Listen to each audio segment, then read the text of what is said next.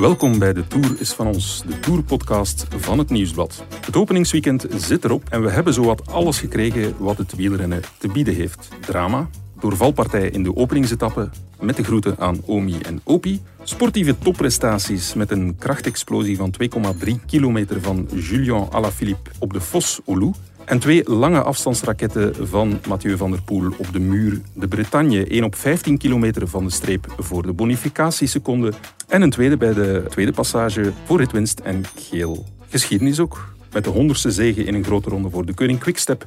En de eerste zoon die zijn vader opvolgt als gele truidrager. Adrie zag dat het goed was. Emotie ook. Alaphilippe, die twee weken geleden vader is geworden. En Mathieu van der Poel, die zijn gele trui opdroeg aan zijn overleden grootvader Raymond Poulidor, die zelf nooit het geel droeg, vreemd genoeg.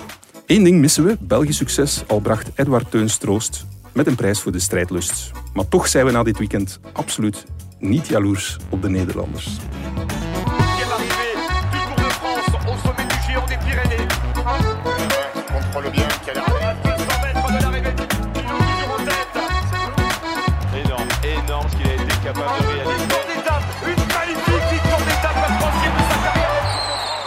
We hebben bij ons een man die dit weekend wel overeind is gebleven, Guy van de Langenberg. Dag Guy. Dag Michael, goedemorgen.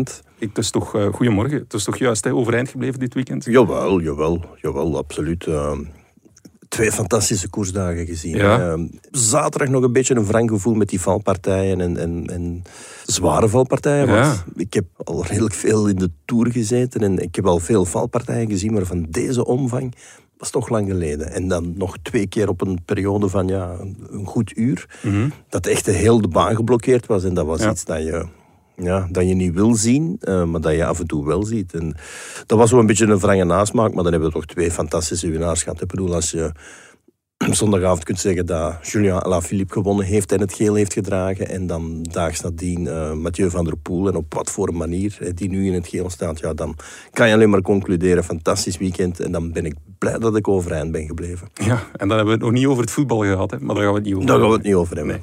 Ehm, ja, die valpartijen uh, zaterdag. De, mhm. eerste, enfin, de eerste grote massale valpartij. Ja, dat was uh, heel bijzonder. Een, mhm. een vrouw die langs de kant van de weg stond met een bord groeten aan Omi en Opi of zoiets. Maar ze stond niet langs de kant van de weg, ze stond op de weg. Op de weg, ja. En dat maakt het eigenlijk uh, ja, erg, erg. Bedoel, we, leven in een heb je mij gezien cultuur. Ja. En uh, het was ook al een dame op leeftijd, dacht ik. Ik bedoel, als, als, als, als ik zo de beelden goed kon zien, dat, dat was geen twintiger of, of, puber die in de aandacht over, over de leeftijd van vrouwen beginnen, dat kan ja, gevoelig liggen. Ja, inderdaad. Maar, maar bon, ze zag er dan toch al iets, iets, uh, iets rijper uit. En dan verwacht je niet dat mensen uh, zoiets gaan doen met, met, je rug naar het peloton staan, niet weten wat er op je afkomt, niet weten wie waar zit. Uh, dat, is, dat is iets, ja, iets ongehoords. En, en als je dan ziet wat de gevolgen zijn, of hadden kunnen zijn, want hè, Wout van Aert was eigenlijk, ja. zat op de, de tweede rij, mm uh, komt er nu eigenlijk goed vanaf, maar voor hetzelfde geld liggen daar heel wat dromen aan diggelen. En dan, ja, dan spreek je van een ramp. Hè. Ja, er zijn al een paar dromen, droompjes die aan de liggen. Mm. Uh, ja, onder meer bij Ineos, twee slachtoffers. Ja, uh, daar hebben ze natuurlijk het voordeel dat ze, dat ze vier potentiële kopmannen hadden. En dat ze er nu nog twee over hebben, wat doorgaans nog twee meer is dan de meeste ploegen hebben. Maar dus eh, zowel uh, Geoghan Hart als, als Richie Port hebben tijd moeten toestaan. Um, Dan heb je nog Thomas en, en, uh, en Carapaz uiteraard. Thomas moest dan gisteren weer tijd toegeven. Op, ja, dat, dat, merkte jij daar net op. Dat was me helemaal ontgaan. Thomas die moest 23 seconden op Mathieu, op Mathieu van der Poel toegeven 15, zondag. Ja, toch 15 op, uh, op, op, op de rest van de favorieten. Ja, en dan gaat hij de Tour niet meer verliezen. Maar het is wel een indicatie. Nu, Muur de Bretagne is kort, is heel explosief. Uh, is geen lange klim. Dus, dus dat zal Terrain beter liggen dan, dan hetgeen wat hij gisteren voor de wielen kreeg. Maar het is toch ook wel vaak een indicatie van oei, die is goed of die is minder goed. Ja, uh, ja dat verbaast me wel. Maar bon, eh, Ineos speelt twee jongens kwijt, maar ze zijn nog in koers. Dat is het belangrijkste. Ja. Ik bedoel, we zagen Richie Port gisteren aan de voet van, uh, van de Muur de Bretagne al, al echt ja, knechten. Hè. Dat mm zal nu ook zijn rol worden de, de komende drie weken. Uh, maar dan zijn de kaarten dus al iets meer geschud. Maar misschien ook ja, intern wel voor wat rust kan zorgen. Hè. Ja, ze hadden misschien gehoopt dat dat in de tijdrit uh, zich dat wat ging schikken, maar het is op een andere manier. Zeg, en je hebt heel wat Tour de France's meegemaakt. Hoe hakt dat erin, zo blessures? Want dat wordt gezegd van, zo'n blessure moet, moet herstellen, moet ja. helen. Dat kost energie. Ja. ja. elke gram energie in de Tour uh, die je verspilt... Ja. Uh, vooral de tweede dag na een valpartij. De eerste dag is meestal nog de dag die ze het beste doorkomen. Maar, maar de tweede dag begin je dat echt te voelen. Ja. En dan voel je ook dat dat lichaam in een herstelproces zit. En, en dat herstelproces, zoals je net zegt, dat kost energie. En dat is energie die je niet kan uh, spenderen aan, ja, aan je core business, het fietsen zelf. Dus uh, ja, elke valpartij... bedoel, er moet nog maar, het, bekken moet nog maar een millimeter gekanteld zijn. Dan, dan, dan ga je anders op je fiets zitten. Dan krijg je, dan krijg je problemen. Uh, de, de knie begint dan op te spelen. Uh, ja, het, het, het, is een detailsport wielrennen. En, en het lichaam is, is het belangrijkste detail. En dat moet 100% in orde zijn. En, en een valpartij dat zorgt altijd voor, uh, ja, voor, voor, voor schade aan de carrosserie. En, en, en die, uh, ja, die, die dat heeft impact op de prestaties, dat kan niet anders. Als ik de vinger van Philippe Gilbert zag, die tussen spaken terechtgekomen is, dan dacht ik ook, ja, die gaat de komende maanden toch geen citroen moeten uitpersen, want dat gaat pijn doen. Nee, maar je fietst niet met je vingers. Hè. Uh, Je remt, je schakelt en dat, dat lukt wel. Ja. Philippe is nogal uh, een taai houtsoort uh, gemaakt, dus die, die gaat dat wel overleven. Maar ja, het, het, dat ziet er natuurlijk heel pijnlijk uit, omdat dat zo bloederig is en, en, en dan topje van de vinger enzovoort ja. enzoverder maar dat valt wel mee. Maar, maar als je echt zo een zware impact hebt gehad en je bent op je, je schouder terechtgekomen of op je, op je, je zijkant, op je heup, ja, ja dan, uh, als het al geen breuk is, gelukkig maar, dan, dan nog kan dat wel een, een, ja, een serieuze impact hebben op je, op, op je prestatieniveau. Ja. Het is een wielerpodcast, geen slagerspodcast, mm. dus we gaan over naar de actie. Misschien chronologisch beginnen, zaterdag, ja. Philippe. Eerlijk, uh, Guy, op het moment hij was gezegd hij gaat vroeg gaan, Mm. Maar op het moment dat hij ging, 2,3 kilometer, laten we zeggen halfweg, toen hij zelf met zijn hoofd aan het schudden was, misschien een beetje theatraliteit, mm. had jij gedacht van dat hij dat tot de streep ging volhouden? Mm, eh, goh. Ja, Alaphilippe is natuurlijk Alaphilippe. Ik bedoel, van hem kan je zoiets wel verwachten, maar eh, het, was eerst Latour die toch, toch in het begin vrij vlot naderde. En dan zag je ook uh, Roglic-Pogacar uh, een duootje vormen. Dan dacht ik, ja, die gaan er nog wel naartoe. Maar dan eens het stijlste voorbij, dan zag je toch dat hij die voorsprong hield en, uh, en zelfs uit kon bouwen. En dan wist je eigenlijk wel, oké, het, is, het, is, uh, het is binnen. Um, ik denk ook dat hij zelf wel verbaasd was dat hij alleen uh, wegschoot uit dat peloton. Ja. Hij had misschien wel gehoopt dat er, dat er één of twee jongens zouden mee zijn. Dat ze dan nog één of twee keer konden overnemen van elkaar en dat ze het dan onderling konden uitmaken. Maar dat was niet het geval. Maar dat maakt natuurlijk allee, de, de waarde van zijn prestatie nou, nog groter. Hè. Ik bedoel, uh, heel vroeg aanvallen. Eigenlijk tegen alle ja, consignes in. Want hè, de, de vrouwen hadden hun aankomst er al gehad. En daar zag je toch dat het een spel was van, van wachten en doseren en de juiste timing. Hier was van timing geen sprake. Dat was het, gas en de lopen aan de voet. Um, en dan volgt er iets indrukwekkends. En, en daarom verbaast het mij ook dat hij daags nadien eigenlijk. Want ik dacht van ja, die is vertrokken voor lang in het geel. Want ik, ik zag eigenlijk niemand in staat om, om hem te volgen op de muur de Bretagne. En dan zie je toch dat die Sanderendaags uh, niet slecht is, maar dat, dat hij toch niet de macht heeft om A, uh, ja, Mathieu uh, te volgen. Want hij wist ook wel dat hij het geel kon nemen door die bonificaties al bij de, bij de eerste passage. Maar dat hij ook nog eens Roglic, Pogacar en eh, Kelderman, dacht ik, eh, moest laten rijden.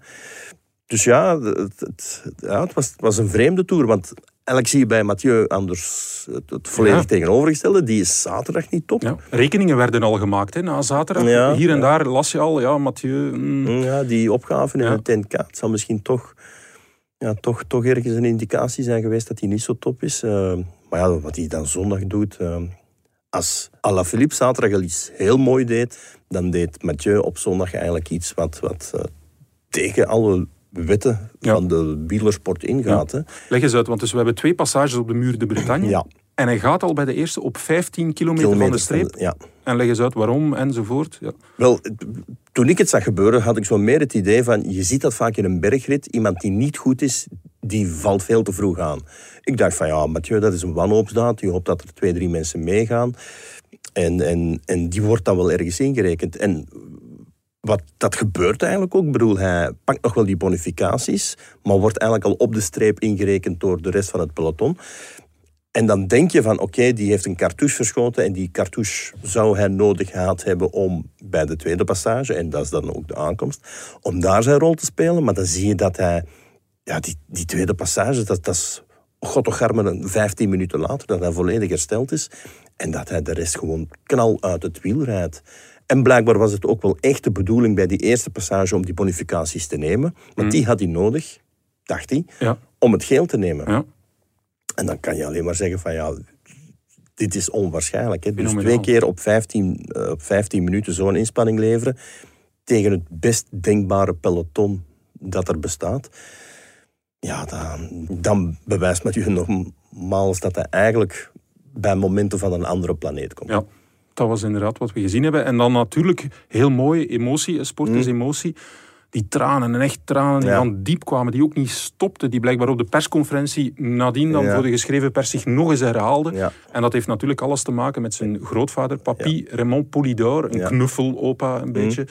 Uh, dus ja, zelf veertien keer deelgenomen aan de Tour, nooit uh, gewonnen, nooit mm. de gele trui gedragen. Nee, inderdaad. Wel acht keer op het podium. Dat maakt het eigenlijk onwaarschijnlijk. Onwaarschijnlijk. En uh, ja, ik geloof, er is een filmpje dat opgedoken is, Tour 2014, 15, ik wil er vanaf zijn, um, waar, uh, ik geloof, uh, eh, VRT Mathieu meenam in de Tour bij Poulidor. En daar was hij zo trots, zo mm. fier. Hij heeft ook kort voor zijn overlijden, anderhalf jaar geleden, ruim anderhalf jaar geleden, ook nog uh, aangegeven, ja, Mathieu zal binnen twee jaar de Tour rijden. Raymond was daar altijd. Mm. Ja, Allee, het is heel mooi en hij wees ook onmiddellijk naar de, naar de hemel. het, is, het is heel mooi, maar heel emotioneel. Hè. Absoluut. En dat maakt deze, deze generatie ook zo groot. Uh, die zijn ook niet bang om te halen. En, uh, ik denk dat Johan Museo Enfin, ik, wil nu niemand noemen, maar die, generatie, die generatie zou dat nooit gedaan hebben. Mathieu doet dat wel. Uh, Wout van Aert vorige week uh, met zijn, uh, zijn woorden voor de, de smol. Ja. Wout heeft dat vroeger op Overleden vriend. Ja, voilà. En, en Wout heeft vroeger op Belgische kampioenschappen... De, ik herinner mij zijn eerste titel in Lille. Dat was ook huilen, huilen, huilen. Julien Alaphilippe vorig jaar toen hij wereldkampioen werd... omdat zijn vader kort daarvoor overleden was. Dus... Dus die mannen zijn niet bang om hun emoties te tonen. En, en dat maakt hen eigenlijk ook zo groot. En ja, gisteren ook. Dat is, dat is, eigenlijk is dat fantastisch. Hè. Bedoel, um, dan zie je ook, ondanks de prestaties die ze leveren, die bovenmenselijk lijken, um, tonen ze meteen hun menselijkheid. en, en, dat is, ja, dat, daar doe je het voor. Dat, dat, dat, uh, dat maakt sport zo mooi. Ja. Zeg, Raymond Poulidor, die was mhm. altijd in de Tour. Ja. Vertel eens. Ja. Raymond was uh, eigenlijk de ambassadeur van Credit Lyonnais, dus de sponsor van de, de gele trui. Credit Lyonnais heeft in het VIP-dorp uh, een, een, eigen VIP-stand eigenlijk. En daar zat Raymond altijd. Uh, en wij journalisten, wij moesten onze kranten gaan halen bij Credit Lyonnais. En daar stonden een paar tafeltjes en dan kreeg je wat koffie en, en, en daar lag een, een, een, donut of zo. Dus dat konden we ook nog snel ontbijten als dat moest. Ja, evenwichtig uh, ontbijt. Voilà, voilà. Zoals steeds in de Tour. Alles is daar evenwichtig. En, en die zat daar joviaal te wezen. En, en daar zag je ook als, als niet-Fransman hoe populair Remo nog altijd was ja. Eh, bij de Fransen. Ik bedoel, Bernardino loopt daar ook rond, maar Le Blaireau, de Das, dat is niet altijd de meest sympathieke mens, maar, maar Remo, dat was, dat was een en al uh, joie de vivre. En hoe verkeer dat hij met mensen op de foto moest. En die deed dat altijd met een glimlach. En als wij hem iets vroegen, een reactie op dit of dat, die, dat was altijd die bereidwilligheid om te praten over ja, van alles en nog wat. En, uh, zeer warm mens. Uh, ik heb hem ook vaak gezien op de, de Citadel in Namen. Ja? Want voor de kerstperiode zakte hij altijd af uh, richting België voor de kerst te vieren met, met, uh, met Corinne, de dochter. En dan zag je hem glunderen. Hè. Mathieu begon dan weer aan een van zijn, zijn fantastische raids op, op, op die wereldbekerwedstrijd. En dan zag je daar ja, Remo die stond dan op dat middenplein, op de esplanade. En, en, en dan, dan zag je die mensen echt, uh, echt blij en trots zijn op zijn, op zijn kleinzoon. Dus uh, ja, nee, fantastisch figuur ook. Ja, goed. Klaar voor onze eerste rubriek.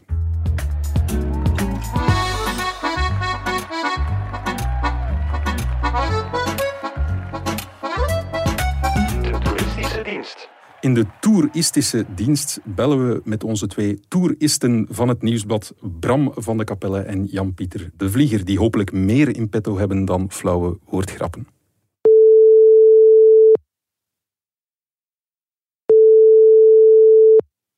Hallo? Ja, Bram neem ik aan. Ja. Ja, met, met Michael en hier bij mij vanuit de studio. Dag Bram. Ben jij alleen of zit uh, Jan-Pieter bij jou? Ik ben er ook. Aha, oké. met twee. uh, ja, hoe, waar gaan we beginnen? Wat een weekend. Ja, wat een weekend. Uh, twee van de goede drie hebben al gewonnen. Ja, en gaat die derde ook nog winnen? ja, ik kijk daarvoor naar de tijdrit. Ja. Wout van Aert natuurlijk. Uh, ja, het kan zeker, maar er staan wel wat goede tijdrijders voor hem met toch al wat seconden voorsprong op dit moment. Zoals daar zijn? Uh, Roglic Pogacar in uh, eerste instantie. Kalderman is ook, uh, doet het ook zeer goed, dus dat gaan uh, lastige klanten worden. Ja. Ook is natuurlijk wel... niet alleen voor Geelk, is ook voor de. Stefan Koen rijdt hier ook rond, met Pedersen. er zijn nog mannen die een vlakke tijdrit wel zeer goed kunnen afwerken. Hè? Absoluut. Ja, dus het wordt niet makkelijk. Um, goed, laat ons het weekend overlopen. Zaterdag, ja, die valpartijen, dat was werkelijk verschrikkelijk, hè? En dan vooral die ene valpartij met die dame die de groetjes moest doen aan Omi en Opi. Uh, Jan Pieter vandaag in de krant uh, zei treffend in zijn titel: hè, Zo doe je wel de groetjes aan Opi over Mathieu van der Poel. Maar zaterdag, dat was hoe het niet moest. Hè? Hij heeft daar uur over nagedacht over die titel. Pertinent onwaar. Maar uh, voor de anekdote. Um, in de openingsetappe was de afstand tussen de perszaal en de finish behoorlijk ver, uh, vier kilometer. Dan moest hij uh, met de wagen maken. En wij uh, waren in de auto gestapt, net voor de valpartij, voor de eerste massale valpartij. Ja. En er was ook een heel slecht bereik en zo in de auto, dus we kwamen toe aan de finish. En we stonden eigenlijk koers te kijken die weer op gang gekomen was. Dus heel het gedeelte van die massale valpartij, dat was ons compleet ontgaan. Ik denk dat het een kleine 20 minuten geduurd heeft voor een collega dat te sprake bracht en wij echt uit de lucht vielen. Ja. En dat was uh, een beetje gênant, maar dat soort dingen gebeuren in de Tour soms. Ja, maar het siert jullie dat je daar open voor uitkomt nu. Hè? Ja, oei, hadden we dat weet niet gedaan? Wat, nee, dat, nee. Is, dat, is, dat is geen fout of zo, dat is gewoon uh, een ongelukkige tijd. Ja, nee, ja, de hectiek van de Tour. Het op een bepaald moment om te vertrekken. Ja. Goed, jullie hebben geen beroepsfout gemaakt, maar die, die dame die heeft toch wel een klein foutje gemaakt, hè? Nee? Oh ja, daarover zijn de meningen ook een klein, klein beetje verdeeld. Ja. Uh, sommige renners insinueren dat uh, Tony Martin niet op 1 centimeter van de boord moest rijden en uh, dat de ploegmaat van Jumbo-Visma wel een beetje naar links uitwijken, waaronder Geesing denk ik, en hij niet. Dus hij had misschien ook beter moeten opletten. Maar ja, in C is de dame niet fout, maar uh, ja, niemand was zonder zonde, denk ik. Ik wil er even ja, aan toe, ik wil, mag ik er even aan toevoegen? Mathieu, ja. uh, Mathieu Adrie zei gisteravond voor, de, voor de column in, in Nieuwsblad vandaag dat er inderdaad een meerderheid van de renners zou daar niet op zijn gereden. Zij zouden die dame ontweken hebben. Maar hij dacht dat Martin even naar beneden aan het kijken was en dat hij dan opkeek en dat hij dan plots die dame zag en niet meer weg kon. Ja, ja, ja inderdaad. Thomas Heinz zei ook dat, uh, zeer ongelukkig was dat er net voordien een bevoorrading geweest was. Dat op de beelden kon zien dat er veel renners een bidon vast hadden of een bidon aan het uh, wegstoppen waren opnieuw. Dat dat ook ervoor gezorgd heeft dat, dat die crash zo groot was, omdat niemand echt klaar zat aan de remmen of niemand helemaal attent was uh, daarvoor. Ja. Zeg, ja, vol... dat was ja. ook bij Mike Teunissen, die, die denk ik als tweede of derde man van Jumbo um, Tony Martin niet kon ontwijken. Die had inderdaad een drinkbus in zijn hand. Dus daardoor was de cascade zo goed, denk ik. Maar ik vind het met alle sympathie die we hebben voor Olly, Olly Naasten, want hij redt ons altijd met de, met de beste quotes over eender wat onderweg. Maar hier vond ik hem toch wel heel streng en een beetje oncollegiaal naar uh, Tony Martin. Als je ziet welke klap dat hij maakt, en ja. dat eigenlijk te ontwijken was, ik weet het niet. Ja. Maar in eerste instantie is het natuurlijk de dame die daar niet moet staan op de weg met zo'n bord. Niet kijken ja, naar ja, de... dat, is, dat, dat, dat is Zeg, en gaan jullie en nu... Naar de renners. Ja. Gaan jullie nu verder de Tour volgen of zijn jullie op zoek naar de dame? um, um, ik heb geen diploma van detectieve, Michael. Ja. We hadden hier al een kleine discussie, want volgens uh, Guy was het een dame op leeftijd, zei hij. Ja, ik weet niet, voor de persoonsbeschrijving is dat wel belangrijk. Noemen we dat een dame op leeftijd of, of was het... Een dame van Giza leeftijd. oh. dat, dat is op leeftijd. de vrouw met het hoedje. Dus wel uh, de meest gezochte dame in de Tour op dit moment. Ja, inderdaad. Maar ik denk niet dat ze nog in de Tour zal zitten, zeker. Ik weet het niet. Zeg, en dan de sportieve prestaties. Um, Philippe, Van der Poel, ja, wat is het strafste? Uh, het was een copycat van elkaar. Hè. een beetje hetzelfde aanvallen volhouden alleen. Um, ja, ik vond Van der Poel toch wel zeer opvallend. Uh, zaterdag bijzonder nerveus. Uh, ik hoorde van de entourage van de Poel dat hij echt wat stress had. Vandaar ook wellicht die uh, wissel van schoenen na 40 kilometer. Mm. En um, ja, de ploeg had eigenlijk op gerekend, want voor de start passeerde nu de volgwagen van uh, Alpecin Phoenix met Christophe en Philippe Roodhoofd. En ik zei dat ze, um, ja, door de lottrekking hadden ze nummer 12 van de volgwagens. Ja, ja dat is niet heel ideaal, want ze zitten daar in het midden van het pak. Maar zeiden toen al grappend, ja, maar ja, vanavond hebben we nummer 1.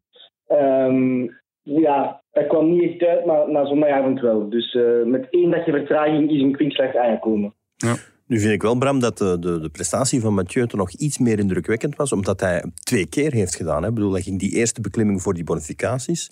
En goddogarme 15 minuten later moest hij weer zo'n inspanning leveren. Dat vind ik eigenlijk wel ja, fenomenaal. Maar anderzijds kan je ook stellen dat uh, Alaphilippe uh, achter die eerste valpartij zat en ook moest een inspanning leveren om terug te komen. Dus ja, het is een andere orde, maar ik vind zo op dag één gaan wegknallen en terwijl iedereen naar jou kijkt, vind ik nog meer machtig dan op dag twee dat te doen. Ja, zo de theorie van, van het jasje uitdoen en uh, de één cartouche die nog, uh, die nog maar bestaat in het wielrennen. Dat is toch een beetje uh, gelogen straf gisteren. Als je ziet bij de, de eerste klim van de Muur de Bretagne voor de bonusseconde, 1, 2 en 3 zijn van de pool uh, Pogacar, Roglic. En dan aan de finish is het eigenlijk net dezelfde top drie. Inderdaad. Ja. Opvallend. Bram, we gaan niet over Chris Froome praten, want die is gevallen en ook nog eens gelost. Ik weet nu niet meer, uh, zaterdag of zondag, op een bepaald moment loste hij ook. Dat was zondag. Zondag, voilà. Dus we gaan niet over Chris Froome praten, dat hebben we beloofd. Hè. Ja, hij doet het volgens plan, hè. maar uh, toch een beetje respect voor, uh, had hij zo zwaar val, die dan over de finish ziet komen met bloed aan de knie, bloed aan de elleboog. Uh, en die alles bewezen heeft in zijn carrière en toch weer op de fiets stapt. Kan zeggen van ja, hij moet de salaris uh, verantwoorden en zo. Maar ik, toch, uh, ik vind het toch knap om in die omstandigheden te blijven koersen. Uh, jullie horen dat natuurlijk niet, maar José de Kouwer had het gisteren uh, over iemand die, die in de Tour is uit respect en uit liefde voor de sport. Want dat hij het voor het geld niet meer moet doen en dat hij weet dat hij die prestaties niet kan leveren of niet meer kan leveren. Als je dan toch daar bent, dan, dan wil dat gewoon zeggen dat, dat je het heel graag doet. Dat je daar heel graag bent. Maar had dat geweest zonder dat loonbriefje? Ah, Die vraag ga ik niet beantwoorden.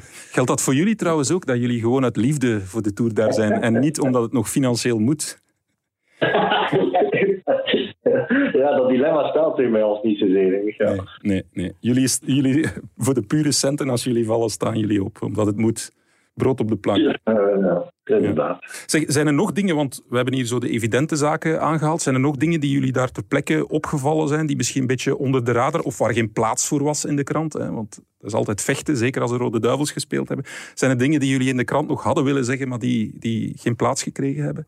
Ja, ik vond opvallend dat in de uitslag van dag 1 dat daar uh, van de 20 renners die, over, die overbleven, dat daar 15 echte favorieten bij waren. En dat die eigenlijk allemaal wonderwel het slagveld hebben overleefd. Um, je zou zeggen, uh, met respect, maar zo'n Quintana of zo, dat, dat die dat je Vriemel of dat je uh, ja, niet zou doorgeraken, maar die was er ook bij. En Oeran ook. En Kelderman. Kelderman staat bekend als iemand die helaas uh, er helemaal dichtbij ligt, maar die heeft ook twee keer overleefd. Dus ik vond het eigenlijk heel zot dat al die favorieten er wel doorgeraakten en heel veel Baroudeurs niet. Ja. En ja, is daar een verklaring voor of is dat uh, puur geluk? Ik heb aan de renners gevraagd uh, zondagochtend en uh, iedereen zei ja, dat is puur toeval, maar wel zeer straf. Dus uh, ja. Nu denk ik ook wel, ja, de kopmannen die worden sowieso naar die eerste plaatsen geloodst. En, en als dan de val gebeurt ergens op de tweede of de derde rij, dan is de kans natuurlijk wel groot dat die echte leiders ervoor zitten. Ehm, ook in het geval van Quintana, ik herinner me ooit, ik denk zijn eerste tour die hij reed, dat er een wire-etappe was en dat, dat van Movistar, van de negen renners, want toen waren ze nog met negen, dat er acht uh, aan het zwemmen waren in de tweede en derde wire en dat Quintana alleen van Movistar in de eerste wire zat. Dus Quintana heeft altijd wel die reputatie gehad van toch redelijk goed zijn positie te kunnen kiezen en redelijk handig te zijn met de fiets. Dus mij heeft dat iets minder verbaasd. Nu heb ik het alleen over Quintana uiteraard. Goed, en uh, ja, wat kijken we nu naar uit? Want we nemen deze podcast maandagochtend op. Vandaar een beetje onze rauwe stem. Um, ja, straks is er een, straks is er een spurtersetappe. En de komende dagen, wat, wat kunnen we de komende dagen verwachten? Ja, twee keer sprinten en dan tijdrit. Ja. Okay. En dan heb je um, donderdag nog een sprint, denk ik. En vrijdag is een overgangsrit. En uh, die hebben heel wat Belgen aangeduid. En uh, het verhaal gaat al dat er een herhaling van uh, Parijs-Nice zit aan te komen. Dat er uh, tien Belgen een combine gaan maken en samen in de aanval gaan. Maar... Um... Dat is ook de langste etappe, denk ik. Momenteel weet ik niet. 2, ja, dat is de langste etappe. Ja, ja, klopt. Maar die gesprekken zijn blijkbaar aan de gang, onderhandelingen. Um, met Naast zoals dat verteld. Wie mag mee? Wie mag niet mee? Ja, um, voorlopig zou Team de Klerk de gebeten hond zijn, omdat hij in Parijs niet mee was, maar niet wat overnemen. Uh, en vooral uh, Victor Kampenaerts is de aanstoker van dit idee, net schijnt. Amai, dat is wel uh, heet van de naald zo. Er zijn onderhandelingen gaande. Want ik zag ook dat uh, er wordt wel gepraat, hè, heel nadrukkelijk. Uh, Thomas de Gent die was een heel geanimeerd en lang gesprek met Wout van Aert. En die was echt gebaren aan het maken, Thomas de Gent. Ik vroeg me echt af, wat zijn die nu aan het vertellen? Dat was echt minutenlang. Goed, ja. Maar ik kan me niet voorstellen dat dat lukt in de Tour. Er is toch zoveel competitie voor ontsnapping dat er dan zo'n exclusief Belgische ontsnapping zou, zou kunnen wegwijzen. Ja. Nee, want je moet niet enkel met de 22 Belgen afspreken. Je moet ook met, uh, met de 160 andere renners uh, kunnen afspreken. En dat gaat niet lukken. Ik bedoel, de Fransen gaan dat nooit laten passeren. Ja, we zullen zien vrijdag. Ja, het zal straf zijn, uh, Bram. Maar het is wel interessant. En zeer blij dat we dit vanuit de buik van het peloton hebben mogen vernemen. Goed, ja. jullie... Ja? Nee, zeg maar, sorry. Ja, nee, jullie zijn... hoe ziet jullie dag er nu nog uit? We zijn, als ik op de klok kijk, ja, uh, 10 uur en 10. Zijn, zijn dag die gaat nu zijn kort looptoertje maken. En ik zit mij een vraag van, zit hij dus naast mij zijn loopschoenen.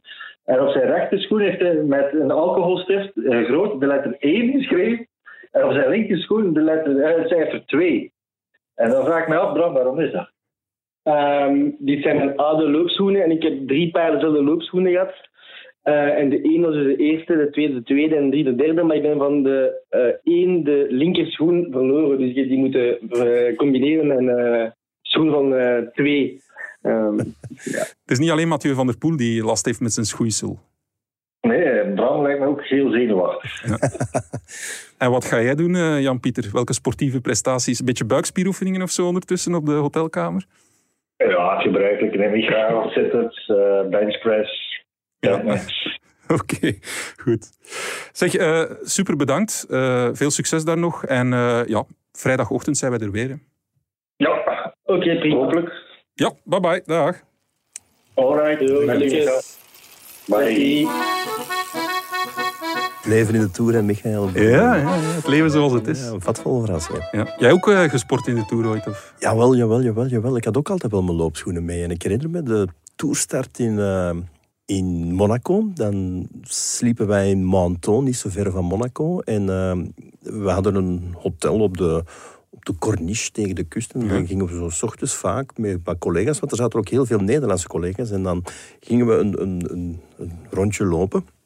En er was een nieuwe collega bij, Patrick Delay van de Limburger. Mhm. Die kende ik zo niet. En uh, ja, we gingen de tweede of de derde ochtend gingen we samen lopen.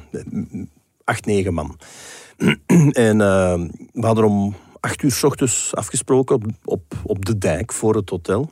En uh, om acht uur stip staat iedereen daar en zien we Patrick al in de verte terugkomen. En uh, Patrick, jij bent al geweest. Ja, ja, maar ik loop nog wel uit met jullie. Ah, oké, waar ben je al geweest? Ja, tot Italië en terug. En dat was ongeveer 20 kilometer, dus 20 miglia. Uh, Patrick, Zover, ja, ja, maar ja, mijn besttijd op de marathon is 2,27. En dan dachten wij van, oké, bon. ja. Dus dat, uh, ja, het gebeurde wel dat we gingen sporten. Of ja, wandelen als je in de bergen zit en je hebt wel wat tijd, dan kan je s ochtends vroeg wel eens een, een, bergwandeling gaan maken. Dus dat is, ja, je moet dat wel doen. Uh, je kan niet altijd stilzitten en uh, soms is dat wel nodig om te bewegen. Ja. En dan ook het, soms het lopen achter renners, eh, naast renners en dergelijke meer. Ze hebben ooit eens, uh, ex-collega, wielercollega, enfin, werkt nog voor het Nieuwsblad, Bert Heijvaart ooit eens gevolgd met een hartslagmeter. Mm. En na de koers, het ging vrij hoog. Hè. Je ja, moet soms echt absoluut. naast renners lopen en dergelijke meer. Ja. en in je eerste ronde loop je dan echt achter die renner. Loop je de bussen voorbij, blijf je lopen en dan ben je bij die renner en dan draait hij terug en rijdt hij naar de bus. En dan moet je weer je spurt inzetten. Dus. Maar dat, dat leer je wel vrij snel om, om tactisch te positioneren waar je moet zijn om, uh, om iemand te kunnen spreken. Het is ook een kwestie van plaatsing. Ja, absoluut. Eh, en ervaring. Ja, oké. Goed, ik kijk op de klok en ja, we zijn bijna rond. Ja, die, die, die, onze twee Fransmannen hebben wel veel geleuterd eigenlijk. Ja. ja, maar het was interessant. Het was interessant, absoluut. absoluut. Blijven doen. Goed. Ja, het einde van onze podcast dat is steeds een moment van lichte tristesse, maar vooral grote dankbaarheid. Dank uiteraard aan Guy van Langenberg. Met heel veel liefde en plezier gedaan. Ja.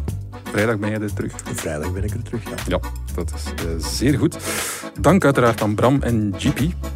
Dank aan House of Media om ons goed te laten klinken. Maar vooral dank aan uw luisteraars. En we hopen dat u er vrijdagochtend opnieuw bij bent.